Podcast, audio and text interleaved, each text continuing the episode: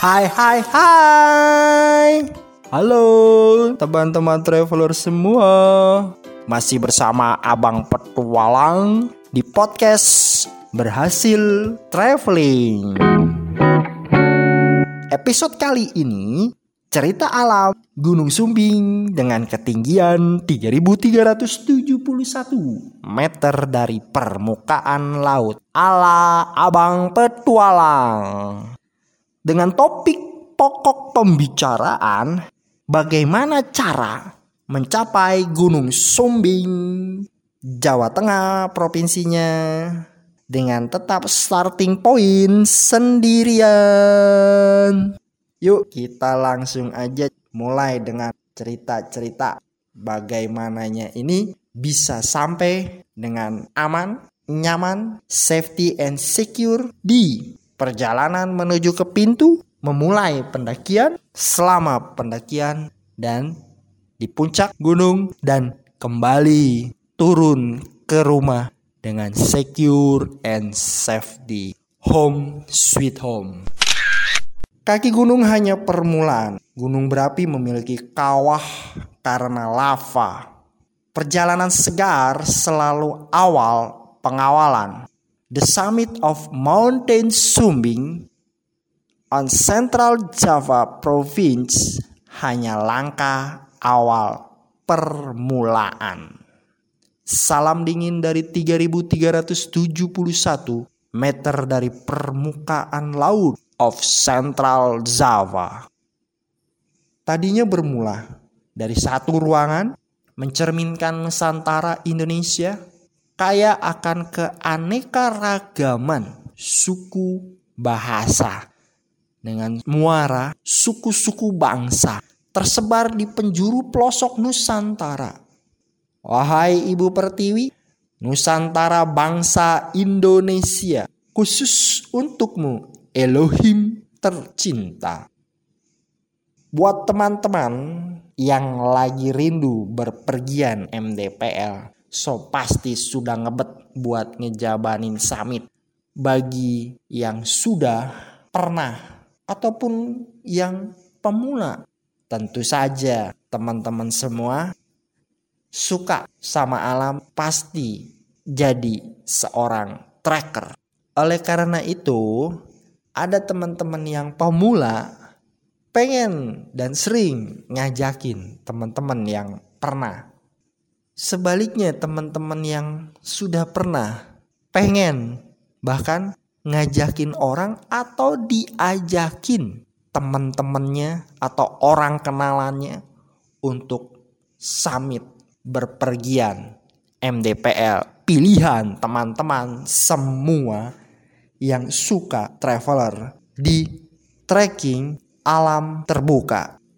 Oke, di podcast berhasil petualang kali ini dengan episode cerita alam Gunung Sumbing 3371 meter dari permukaan laut ala Abang Petualang dengan topik pokok pembicaraan Bagaimana cara mencapai Gunung Sumbing dengan ketinggian 3371 meter dari permukaan laut di Provinsi Jawa Tengah dengan tetap starting point sendirian ala Abang Petualang.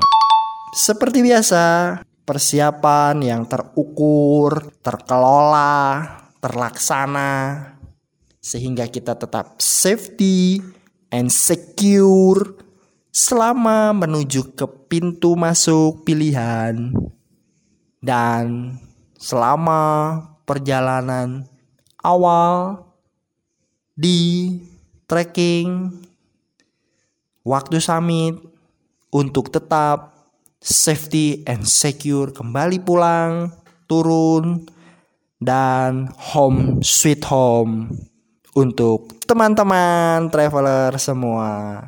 Informasi ini Abang Petualang beritahukan di podcast berhasil traveling ini.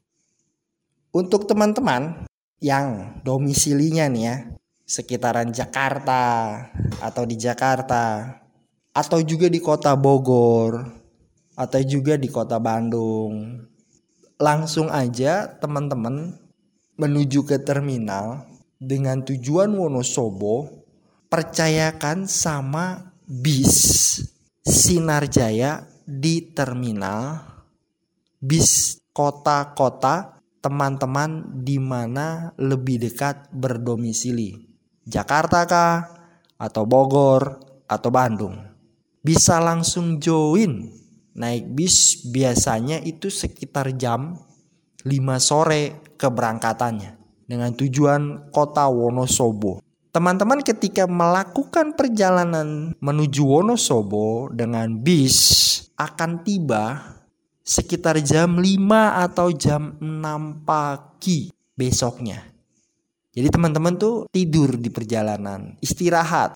Teman-teman akan tiba di terminal Mendolo. Biasanya sih ketika teman-teman ketibaan, teman-teman tuh udah langsung menikmati udara dingin, udara alam yang segar sehingga teman-teman sudah sangat bergairah ingin cepat-cepat menuju pintu masuk.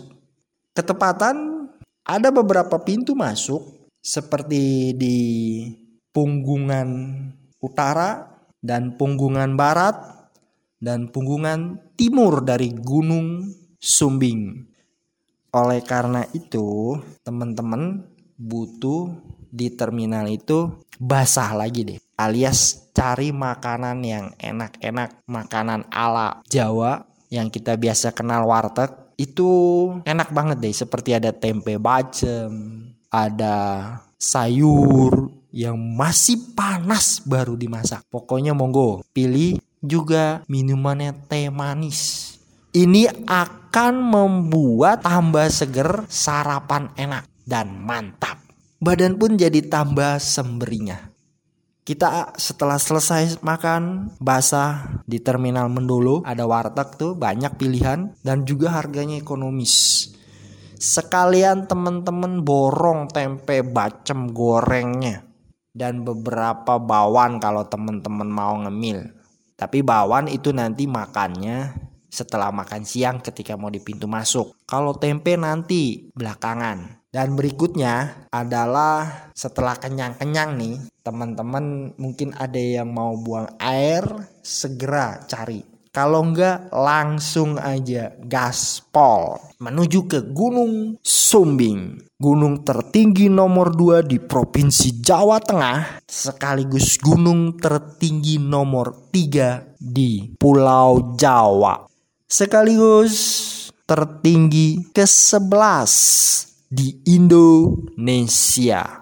Ketepatan kita sudah siap dan langsung aja mangkat monggo dengan angkutan kota jurusan Purworejo atau angkutan warna kuning mirip-mirip kayak mobil carry gitu yang ke arah pasar kretek. Ketika teman-teman tiba di simpang pasar kretek, di situ di pertigaan pasar kretek kalau diinget-inget pas banget emang ini gunung juga teman-teman udah ngeliat sepanjang perjalanan menuju pertigaan pasar kretek atau kretek.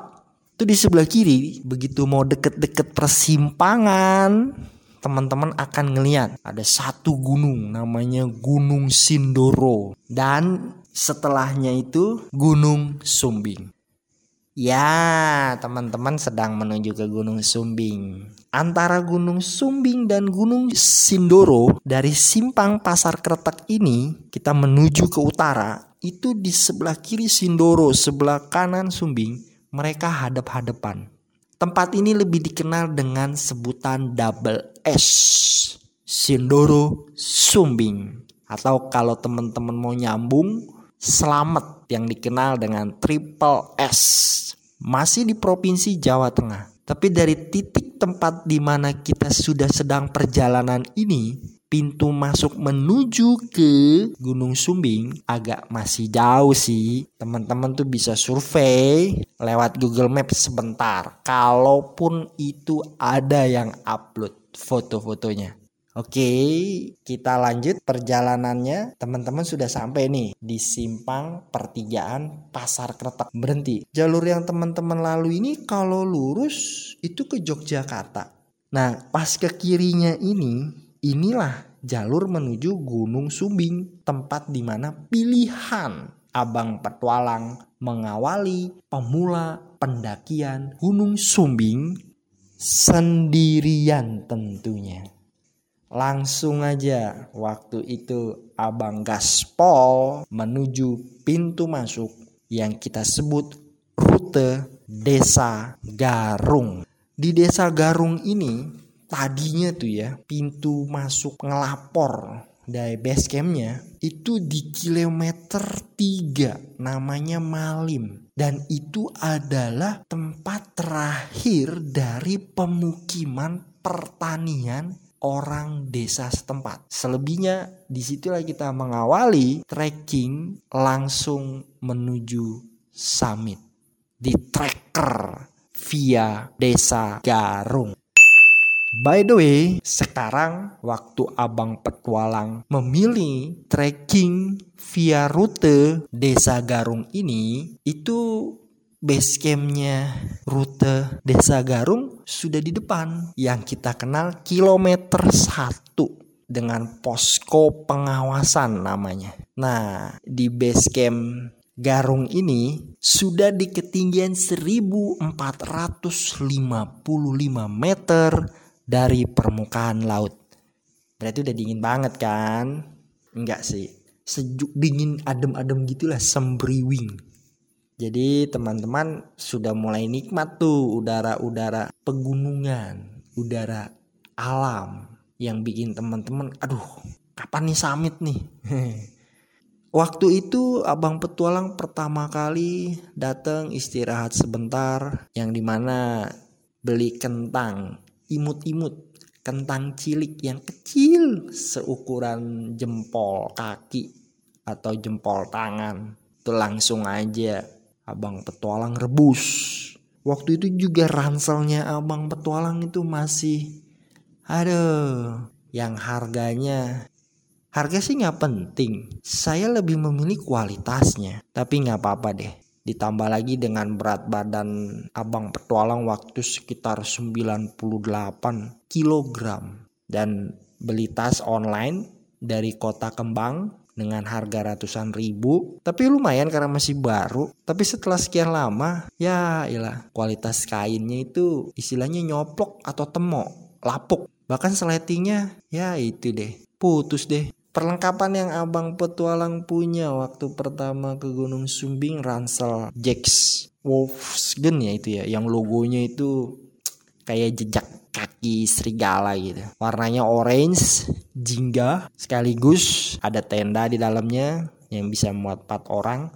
Bawahnya dari plastik dan dindingnya tenda ini yang dalamnya itu warna silver. Biasanya kalau hujan itu nggak bakal tembus. Cocok untuk di alam yang lembab-lembab banyak basahnya bahkan ada curah hujan. Dikit-dikit aja.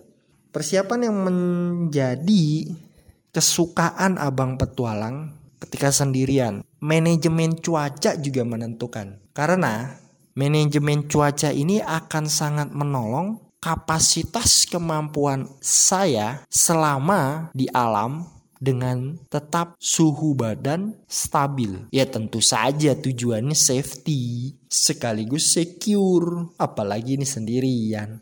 Selama saya sudah selesai melapor, saya makan lagi di base camp. Nasi goreng ala base camp. Gunung Sumbing, Desa Garung. Bahkan di sana mereka juga kasih nomor telepon. Kalau turun dari jalur ini yang sama, mereka berkenan tinggal kabarin aja lewat SMS dan dia juga sudah simpen nomor kita.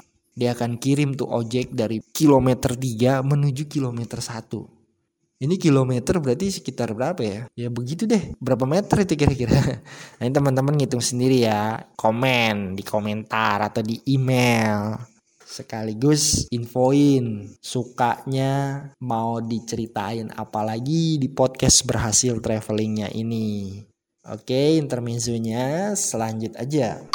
Jalur pendakian menuju Gunung Sumbing via Garung ada dua jalur Jadi dia ada disebut jalur lama dan jalur baru. Di jalur baru itu ketika kita mau menuju ke pintu pendakian setelah dari base camp itu ada petunjuk kanan baru, kiri lama. Kelihatan kok. Di mana sebelumnya kita akan lewati tower.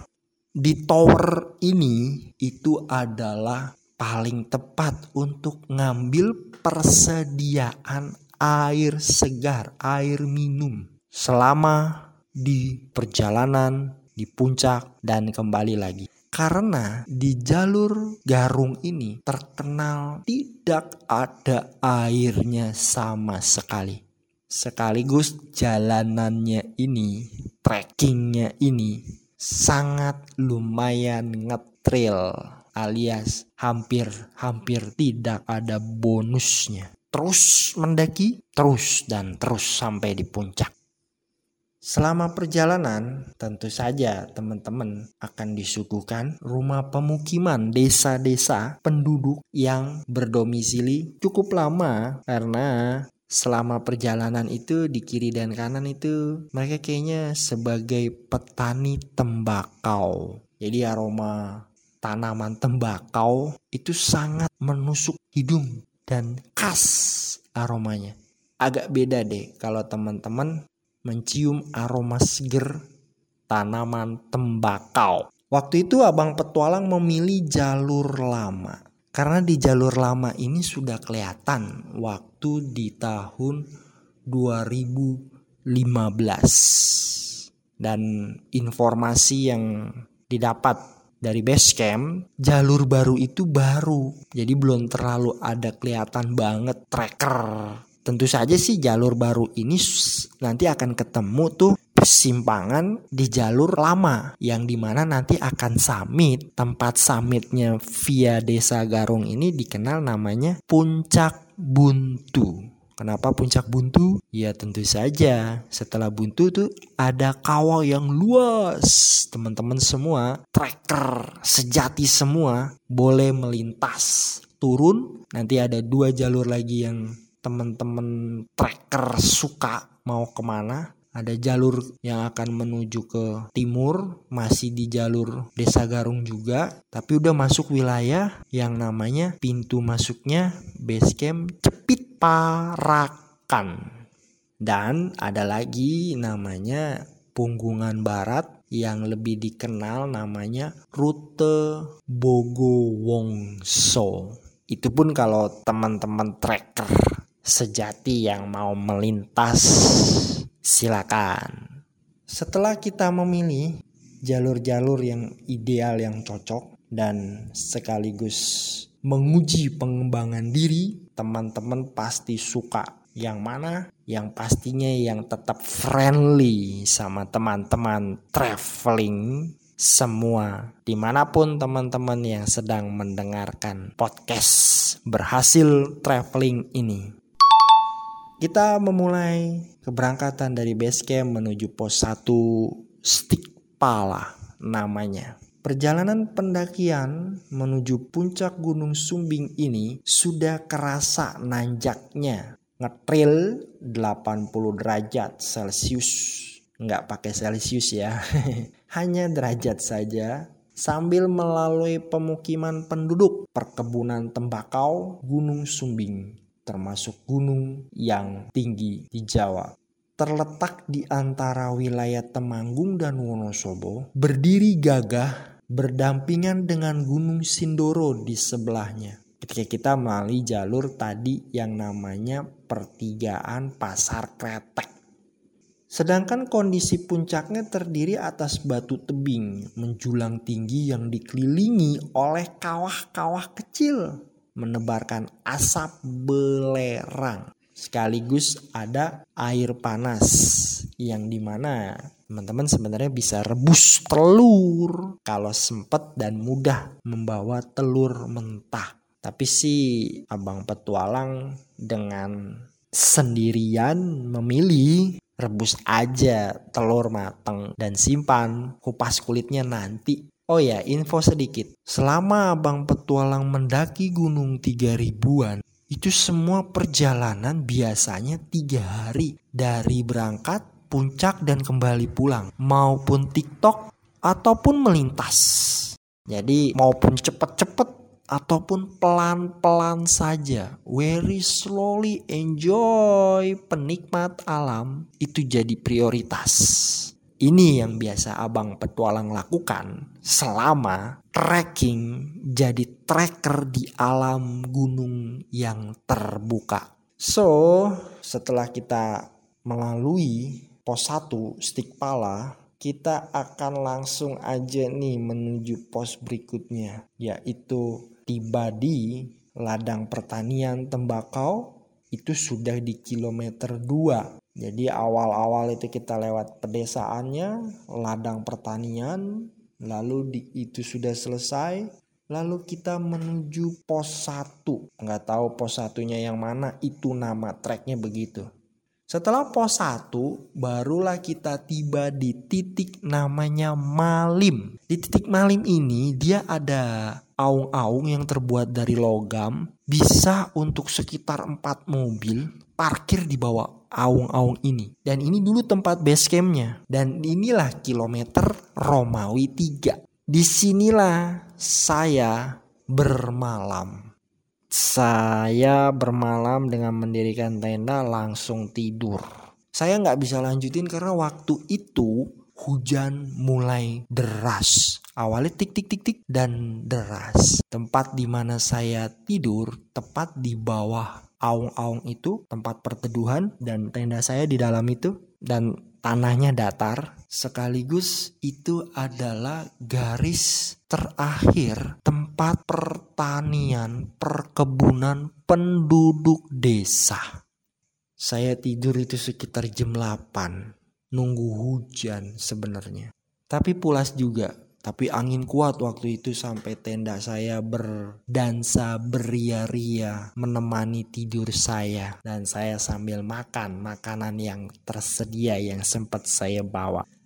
Oh ya, saya juga sediain teh kotak. Biasanya saya beri sekitar 8 atau 6. Saya taruh di pung di kantung dari ransel saya yang paling atas karena memudahkan saya juga untuk ngambil sewaktu-waktu ketika saya haus atau pengen energi tambahan, tenaga yang membantu selama di perjalanan saya.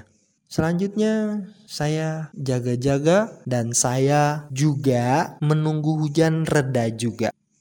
Ketika hujan sudah reda dan saya segera lipat kembali tenda saya dan saya masukkan ke ransel saya.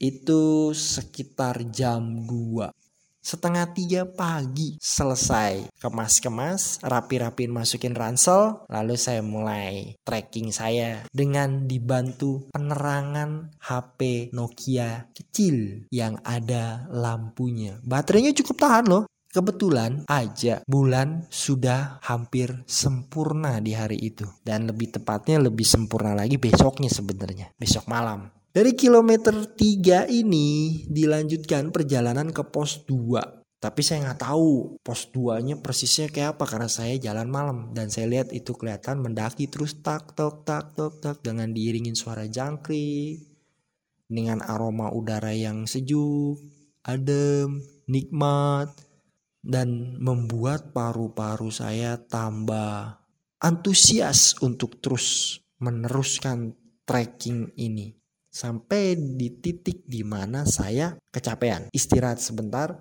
supaya lanjut lagi.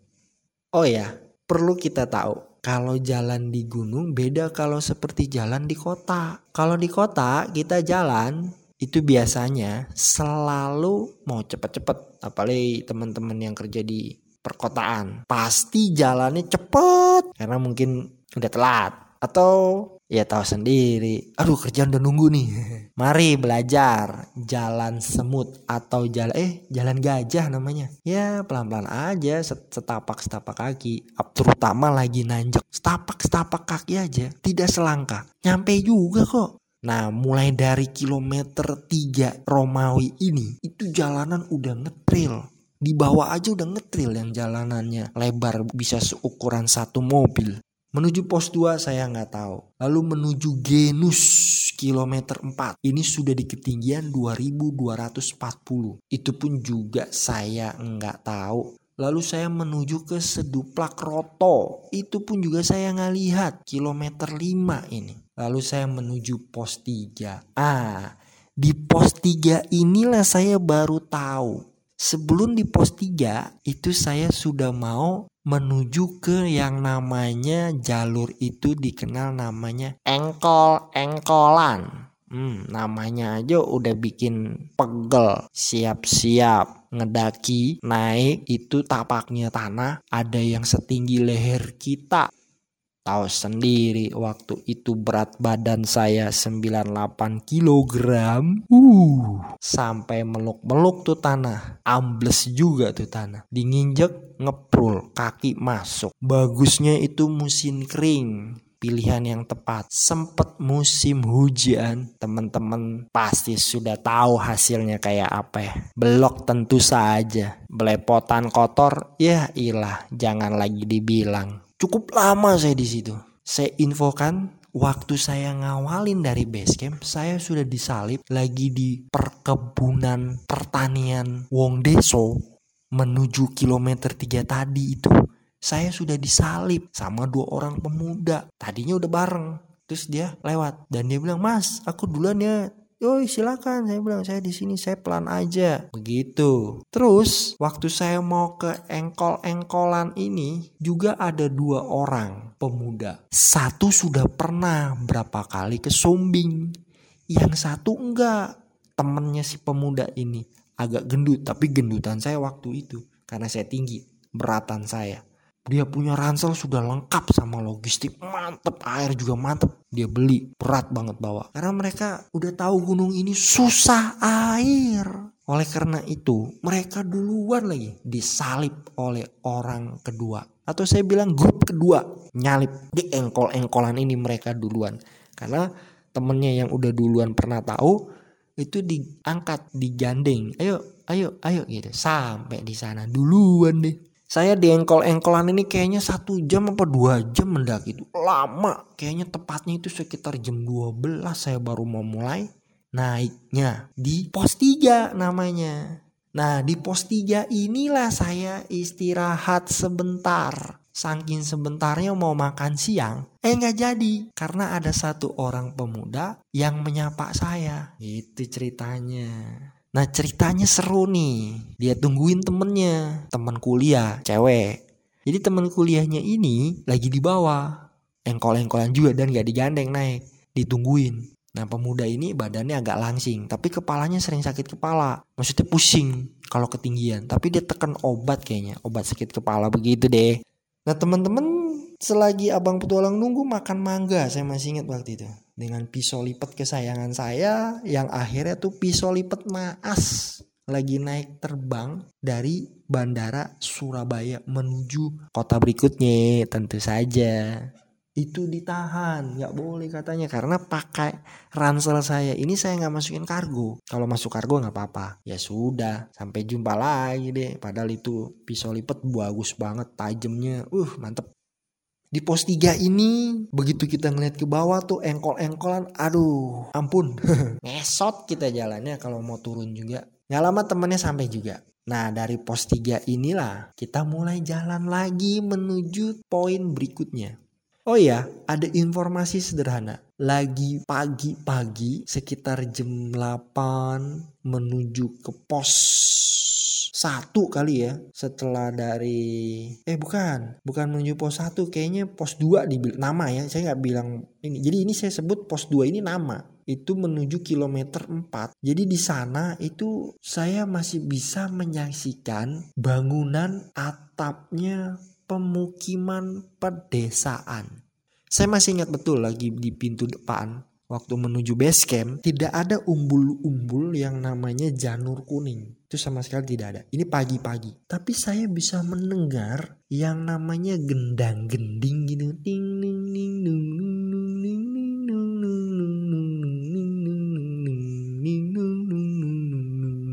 yang main gendang-gending itu ada apa namanya sih itu yang kayak apa yang dari bahan logam itu yang digending-gending itu. Nanti teman-teman infoin deh ke saya deh. Saya juga mau inget inget nih namanya apa. Kayak gamelan namanya. Ah, tapi alat alat instrumen itu teman-teman pasti tahu kan yang saya tahu kalian gong yang ketuk-ketuk itu apa tuh namanya?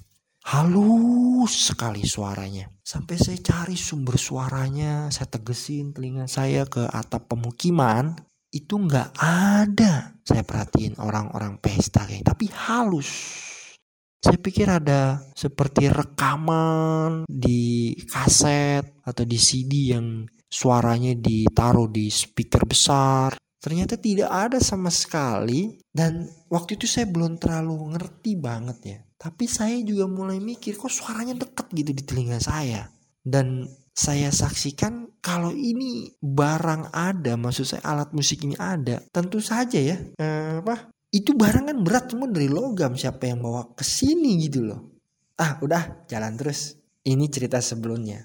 Kita lanjut di pos 3 yang ketemu orang tahap ketiga dua orang, cowok dan cewek. Nah sepanjang jalan ini nih cowoknya mulai duluan. Kita udah bertiga eh akhirnya dia duluan tuh sap Tapi nggak beda jauh masih kelihatan sama saya sama kita. Nah si cewek ini juga jalannya pelan.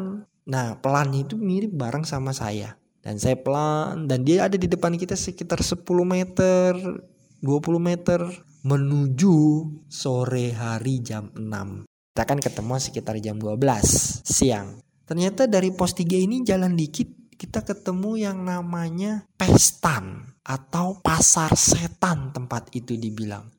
Di pestan ini sudah di ketinggian 2437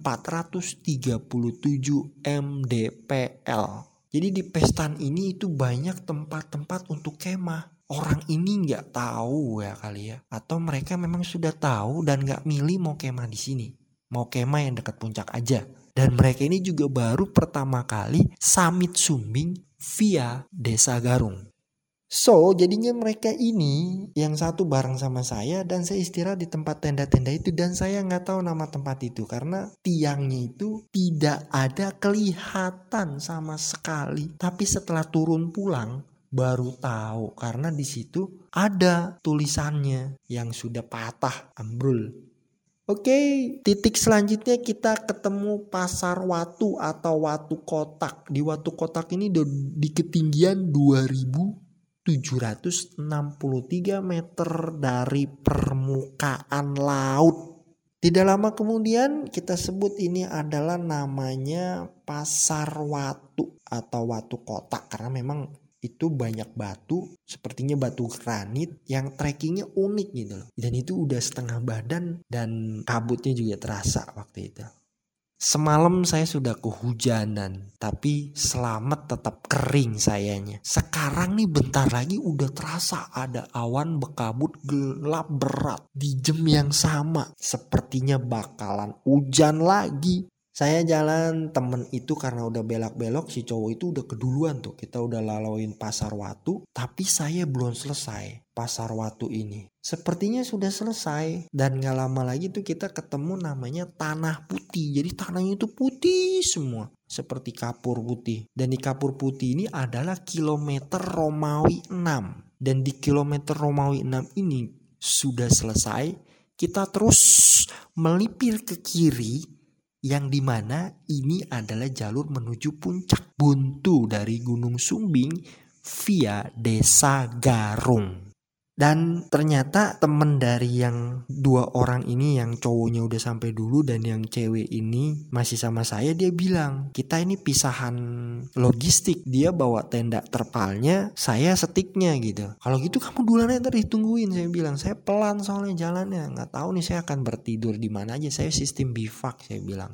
Saya bawa tenda memang. Akhirnya dia nurut juga. Kamu ada tenda? Ada, udah dia pergi. Akhirnya saya pelan-pelan udah melipir dan itu udah jurang yang bentar lagi itu kita saya itu bakal sampai saya sudah selesai pasir putihnya kita udah selesai pasir putihnya kita sebentar lagi akan menuju awal-awal menuju puncak buntu dan di puncak buntu ini itu lumayan jauh juga dan banyak batu-batu jalanannya dan berpasir. Terlebih lagi yang melipir ini jalanannya sekitar lebarnya 70 cm.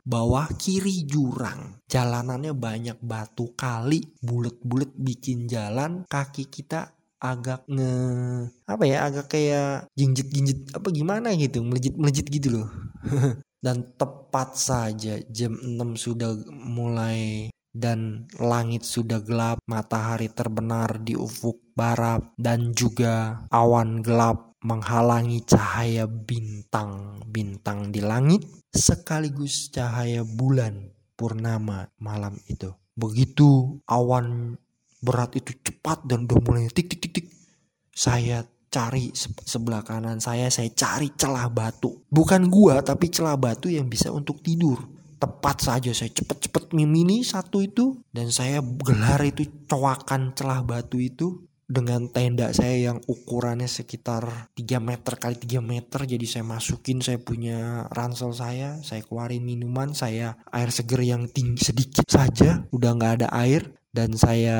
ambil vitamin saya double X Nutrilite MW dan saya juga mulai tutup diri saya dengan di tengah-tengah dari terpal itu saya lipat sekali dan saya lipat lagi di atas saya dan hujan deras datang. Saya tertidur lelap di situ. Saya tidur tenang, ngorok, enak dan tepat itu di kepala saya ada batu. Dan batu itu saya tiduri untuk kepala saya beristirahat Bangun-bangun, saya masih belum di puncak. Bangun-bangun jam 2, saya lihat jam saya, pagi hari. Saya itu lebih tepatnya terbangun oleh teriknya cahaya tapi tidak panas. Walah, itu yang namanya bulan, buset deh, gede banget. Dan dia nyorot sangat kuat menghadap ke di mana saya sedang tidur di celah batu itu. Langsung aja saya buka. Otomatis kan sudah berhenti hujannya, tapi agak basah terpal saya. Tapi ya nggak apa-apa, dia basahnya kan ke sana saya buang ke kiri dan ke kanan. Jadi dia ada di samping rumput basah. Dan jam saya memperhatikan bulannya ini. Waduh, takjub saya enak banget itu ngelihat bulan mantep bikin seger. Dan saya terkesima banget sama ukurannya itu loh. Deket banget. Seperti saya sedang face to face hadap-hadapan gitu loh. Dan itu gede banget. Gedenya itu kayak kayak lingkaran gelora Bung Karno di Jakarta gitu. Di Senayan. Uh mantep deh gedungnya itu lingkarannya kayak segede gedung GBK itu. Waduh saya sangat beruntung menikmati pemandangan alam dini hari pagi hari early in the morning yang juaranya mantep. So teman-teman akhirnya tuh pagi itu saya sarapan teh kotak makan biskuit enak Sekaligus saya makan lagi vitamin dan saya mulai rapiin tenda saya. Terpal saya yang bisa jadi tenda. Saya anggap itu terpal. Saya lipat seperti sedia kala dan saya masukin kembali dan saya lanjutin perjalanan saya yang lebarnya itu 70-an sentimeter yang jalannya itu batu-batu bulat kayak di kali. Saya sebut aja itu batu kali. Gak lama kemudian tibalah saya di penyelesaian dari itu masih kawasan puncak buntu. Jadi saya sudah memulai di, menuju puncak buntu dan saya diteriakin dari dua orang yang laki-lakinya dulu dan ceweknya menyusul. Katanya mereka dia nyariin saya berteriak-teriak semalam-malaman ditungguin. Ya saya cerita saja. Dan saya ketemu mereka itu sekitar jam setengah sebelas deh menuju makan siang juga. Saya cerita semalam tuh hujan dan saya tidur langsung menyelamatkan diri biar tetap kering di celah batu itu.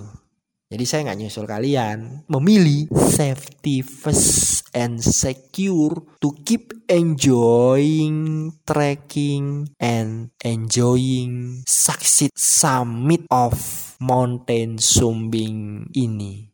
Langsung aja saya merapat di tenda mereka dan masak-masak tuh mereka sarapan bentar dan mereka mau summit kelihatannya sih kalau dari tempat di mana mereka berkemah itu deket deh sama puncak buntu namanya. Waktu mereka sedang makan-makan siap, jadi ransel saya taruh di bawah. Dan saya bawa ini. Uh, kayaknya nggak bawa perlengkapan deh orang nggak ada yang bawa penting dompet aja singin saya saya bawa. Saya naik, aduh, buset, ngetril banget. Ngetrilnya ampun. Tapi batu, banyak rumput-rumput halus juga yang kering. Waktu saya mau menuju puncaknya, kayaknya setengah dari jalan menuju puncak itu saya nggak bisa terusin. Selain panas banget dan saya lapar. Saya turun lagi dan temen yang laki ini dia berhasil dan turun lagi dan dia ketemu lagi sama saya di tempat saya istirahat dan dia saya tanya dia gimana dia bilang di tempat dari saya ke sana itu ada dah dari seperti kita pas turun ini. Oh berarti jauh banget. Nggak jadi ya? Turun aja. Turun menjelang sore sepertinya itu. Dan sudah selesai makan siang pasti tendanya ini dan mereka sudah turun milih purun. Karena ada kepentingan. Malam sore itu turun dan saya berkemah di tempat mereka berkemah. Jadi mereka berhasil samit untuk dua hari turun. Karena mereka ada kendaraan motor di base camp. Nah ini dia nih keseruannya baru dimulai Oh ya, waktu saya tidur di celah batu dan saya terbangun, uh, pemandangannya mantep juga pagi harinya. Lebih tepatnya setelah saya menikmati pemandangan bulan purnama yang full moon keseluruhannya yakni adalah Gunung Sindoro yang tipis-tipis ada kabut yang menutupin puncaknya itu clear jadi dia tipis-tipis. Yang di bawahnya itu kabut, hampir setengah badan, 3 per 4. Dan horizon di atasnya lagi itu yang saya lihat pemandangannya clear, cerah. Gunung Sindoro. Saya foto. Mewah deh pemandangan itu. Ya, saya berkemah di tempat kawan ini berkemah. Setelah tadi kita sudah ketemuan, saya masih mikir, Tuhan, saya bisa samitnya nih. Tapi saya rindu samit ngelihat logistik sangat nggak mungkin. Air sudah habis, adanya teh kotak tinggal dua apa waktu itu. Ya, waktu menjelang sore kabut juga datang lagi bakal hujan. Saya bilang Tuhan tidak hujan. Saya minta malam ini nggak hujan dan ketemu temen pemuda yang nyalip saya di engkol-engkolan. Langsung aja saya sapa, hei mana baru nyampe ya saya bilang gitu. Ternyata mereka baru samit tapi nggak tahu di belahan mana. Dan saya langsung minta ada air nggak dikasih air dua penuh dan roti. Ih, saya lapar nih saya bilang kasih. Oke langsung sukacita saya. Karena saya ada bawa kacang hijau mentah saya masak dengan air saya lama matangnya malah lebih banyak menguapnya. Habislah air saya dan matang juga hampir matang tapi nggak pecah semua dan saya makan juga itu bubur uh, kacang hijaunya dan pakai gula merah dan lambat tenaga. Lebih serunya lagi nih, malam pun tiba, kabut datang. Tapi bersyukur malam itu tidak jadi hujan, tidak ada hujan. Dan menjelang subuh jam 3 nggak sampai sih ya setengah tiga waktu itu. Saya bertekad saya kemas-kemas dan saya yakin bisa summit saya lebih tepatnya kemas-kemas itu rapi-rapi tenda saya di jam setengah sembilan malam. Dan saya jalan pelan-pelan. Karena air terbatas saya ada strategi setiap berapa langkah ya semampu saya saya istirahat tempat di mana saya berada saya pilih lurus saja. Karena kiri kanan itu udah jurang. Cukup lebar sih jalanan tapi ngetril dan bebatu setiap saya berhenti, saya tarik nafas sampai enam kali sebanyak-banyaknya dan di, di keenam kalinya itu saya diam sejenak, membiarkan oksigen ke seluruh tubuh saya dan saya ulangin selama enam kali juga singkat saya. Dan itu saya terus buat sampai di puncak ternyata. Dan itu pun hasilnya saya tetap tidak haus tetap segar dan enak banget deh Akhirnya sampai juga saya di puncak dengan sudah ngantuk yang hampir-hampir saya nyemplung ke jurang. Jadi saya langsung aja tuh pakai jaket. Waktu itu saya punya jaket army second yang dari tempat di mana saya tinggal banyak diperdagangkan dan saya langsung pakai. Dingin memang.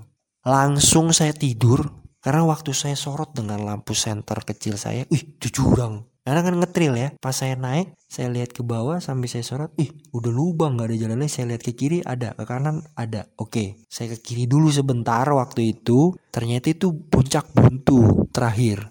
dan ke kanan juga buntu batu. Dan saya nggak berani turun karena saya nggak ngeliat ada jalan. Sekitar jam setengah satu saya mulai tidur di puncak itu dan terus terlelap dengan bertaburan bintang dan bulan purnama yang hampir redup waktu itu. Dan pagi pun tiba, saatnya melihat terang dan melihat keadaan di sekitar. Ternyata ada kawah di depan di mana saya semalam ngelihat jurang itu udah kawah dan itu ada jalan, ada trek turun. Dan di kawah itu dia luas modelnya di kawah Gunung Sumbing ini luas. Ada lapangan pasir yang seluas lapangan sepak bola dan di situ ada tulisan di atas pasir yang berarti pernah ada orang ke situ ke kawah dan ditambah lagi saya lihat ada trek kecil menuju ke bawah itu juga bekas ada pijakan orang yang pernah menggunakan jalur ini. Tapi saya nggak tahu waktu itu, jadi saya nggak pilih turun dan saya nggak mau. Saya nggak mau turun dan nggak tahu bisa melintas apa enggak. Jadi saya diam di situ. Bonusnya di puncak buntu ini ada batu berbentuk singa dari sisi sebelah kirinya singa. Jadi itu saya foto, saya nikmatin dan mantap banget. Setelah menikmati sesaat di puncak Gunung Sumbing ini, saya langsung memulai persiapan menuju ke balik ke jalur yang sama. Setelah saya terus lanjutkan perjalanan cepat-cepat, lebih cepat saya turun karena saya lebih kuat, lebih cepat turun kekuatan otot saya. Dengan jalur yang sama saya kembali lagi tahu, oh ini, oh ini. Lewat lagi pasar batu, lewat lagi tanah putih, lewat lagi pas pasir setan dan terus turun, terus masuk hutan, turun dan akhirnya itu saya berkemah lagi di mana ya? Sepertinya saya waktu itu sempat berkemah lagi yaitu di tempat detik-detik sudah mau sampai ke pemukiman pertanian terakhir yaitu di kilometer 3 Ternyata saya nggak ketemu. Saya hanya ketemu lahan yang enak buat tidur dan saya tertidur di trekking. Saya pilih tidur lagi. Karena saya jumpa ada satu tempat di mana saya berjalur, di situ ada tempat yang seukuran tenda. Jadi itu buat saya itu safety banget. Saya tidur di situ, besok paginya menjelang ada terang, saya bangun lagi menuju turun ikutin kelihatan jejaknya ternyata itu pun belum sampai-sampai besoknya. Besoknya itu pagi-pagi mulai nyampe nya itu jam 12 di kilometer 3 lewat siang. Sekitar jam 2 deh kayaknya. Karena saya nunggu lama WA saya kok nggak masuk apa waktu itu bukan WhatsApp ya namanya SMS HP saya waktu itu. Akhirnya datang juga tuh karena saya sudah nggak tahan kalau buat jalan kaki lagi ke base camp. Haus banget kondisinya waktu itu. Dan datang juga pesanan ojek saya sampai kembali ke base camp. Tapi saya pesen, saya mau beli minum dulu ya mampir teh manis. Waktu itu saya pilih minuman teh pucuk harum botolan. Rasanya enak, langsung aja habis 4 botol. Karena lapar dan haus banget. Kalori banyak terbakar di pers badan saya. Ketika saya sampai di base camp, saya pesen nasi goreng base camp.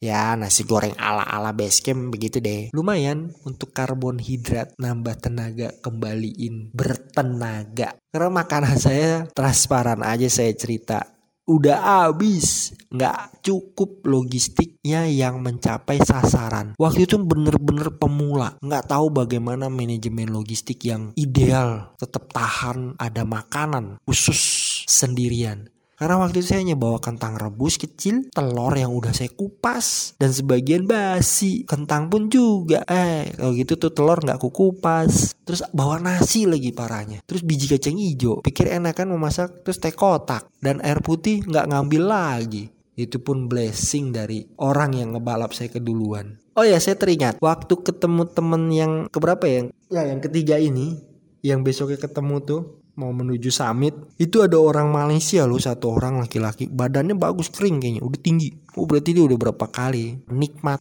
trekking alam gunung terbuka. Oke teman-teman traveler di mana pun berada Akhirnya abang petualang selamat tiba di base camp kembali dengan kenikmatan cerita tersendiri khas dan unik dan ngangenin juga mau nyobain trek via desa Garong ini lagi sekaligus melintas turun yang nantinya di wilayah Temanggung. Di sana ada jalan raya dan lanjut lagi naik ke jalur Kopeng sempet mikir-mikir gitu sih tapi belum coba. Bisa juga nanti lewat jalur Kopeng lanjut menuju Gunung Merbabu. Jalur Kopeng ini adalah jalan raya yang seyogyanya itu seperti jalan raya puncak. Kan di situ tuh ada gunung juga yang bisa untuk ngetrek gunung gede Pangarango Nah, jalan jalur puncak adalah nama jalan raya yang sama dengan jalur Kopeng, jalan raya juga. Yang membedakan di jalur Kopeng ini tidak ada angkutan umum sepanjang menuju ke pintu. Ada tiga pintu. Info sedikit di jalur Kopeng ini. Pendakian menuju Gunung Merbabu. Oke teman-teman. Oke. Terima kasih sudah mendengarkan podcast berhasil traveling ini Dalam episode kali ini. Bagaimana cara mencapai Gunung Sumbing Ala Abang Petualang Dengan ketinggian 3371 meter dari permukaan laut Di Provinsi Jawa Tengah ini Negara Indonesia Sampai ketemu lagi teman-teman di episode topik pokok pembicaraan lain. Kalau ada komen, kalau ada teman-teman mau bertanya-tanya, ayo silakan kirim saja pesannya yang mau teman-teman banyak pengen tahu apa-apa saja sih yang bikin abang petualang suka dan nikmat traveling di trekking alam gunung terbuka sendirian. Oke, oleh karena itu